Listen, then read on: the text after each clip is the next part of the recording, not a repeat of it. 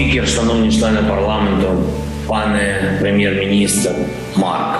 Zo klonken de eerste woorden van de Oekraïense president Zelensky in ons parlement.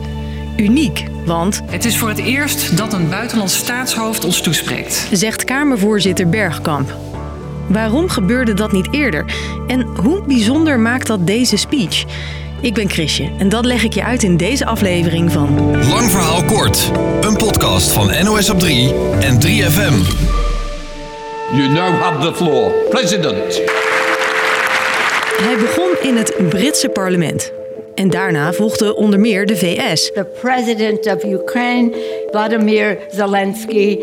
Slava Ukraina! Canada, Volodymyr, You are a friend. Duitsland. We begrüßen Sie sehr herzlich. Denemarken. Frankrijk. Zwitserland. En Japan. Arigato. En als vijftiende zijn wij aan de beurt. In een legergroen t-shirt spreekt Zelensky via videoverbinding vanuit Kiev parlementen toe. Waarin hij bedankt voor de steun die er al is en vraagt om meer. Ja, hij heeft een hele vriendelijke stijl, maar ook een hele boze, hamerende stijl. Met die ultrakorte, beschuldigende zinnen. Zegt Jaap de Jong, hoogleraar journalistiek en retoriek. Zelensky vindt dat andere landen te weinig voor Oekraïne doen. Ik denk wel dat hij, eh, dat hij wel een beetje onder de huid van de NAVO-bestuurders gaat eh, zitten op deze manier. En dat hij ze echt een beetje beduust eh, achterlaat van oei, hij doet wel het grootste morele appel op ons. Zelensky doet volgens de Jong ook goed zijn huiswerk voor elke speech. Ik denk dat zijn speechschrijvers dat overigens doen, want hij, is, ja, hij houdt elke dag één en soms wel vier toespraken. Dus hij kan ze niet zelf schrijven. En Bijvoorbeeld in Polen is hij weer buitengewoon positief. Heel anders dan zijn NAVO-speech. En dan heeft hij het over zijn vrienden en over eh, my friend Andrzej. Het is echt opvallend eh, hoe hij eh, bij ieder land ja, probeert bij de normen en waarden of bij de cultuur aan te sluiten. Zo had hij het in de speech in de Tweede Kamer over de Nederlandse normen en waarden, vrijheid en gelijkwaardigheid. Maakte hij een vergelijking met platgebombardeerd Rotterdam en sprak hij over de MH17, in de hoop dat de Nederlandse regering onder meer extra wapens stuurt, meer sancties tegen Rusland instelt en Oekraïne helpt aan een EU-lidmaatschap. Dank Nederlanden. Slava Oekraïne.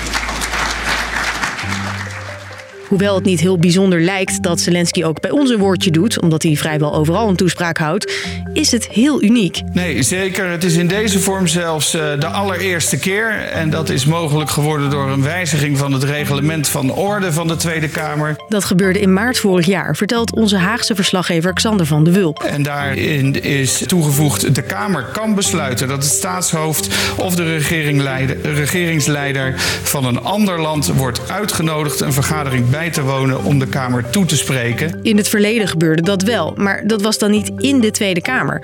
Zo sprak de Britse leider Winston Churchill de leden van de Eerste en Tweede Kamer toe vanuit een andere locatie in Den Haag, vlak na de Tweede Wereldoorlog. Here at The Hague, we are now met to help our various governments En mocht de koning van Jordanië in 1997 en de Israëlische president in 2013 vanuit een andere vergaderzaal ook de leden toespreken. De regels zijn inmiddels dus veranderd, met als reden dat het in andere landen vaak wel normaal is om een staatshoofd te ontvangen in het parlement.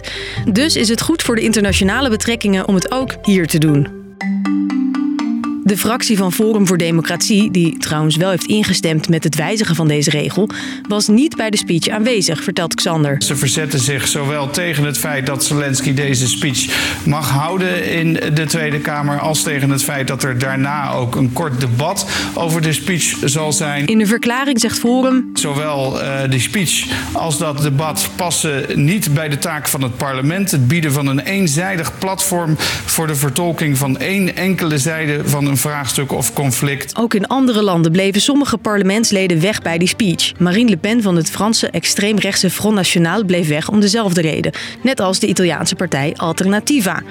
En daarnaast was er ook nog gedoe over de aanwezigheid van premier Rutte. Dit zei hij er zelf over. Nou is het ook zo natuurlijk dat anders dan in Engeland en Duitsland, daar zijn mijn collega's eh, ook lid van het eh, parlement. En ik begrijp heel goed dat de Kamer zegt, we willen dat echt even als Kamer doen, dus dat respecteer ik zeer. Maar uiteindelijk liet de voorzitter het toch toe. Maar dan wel achter in de zaal.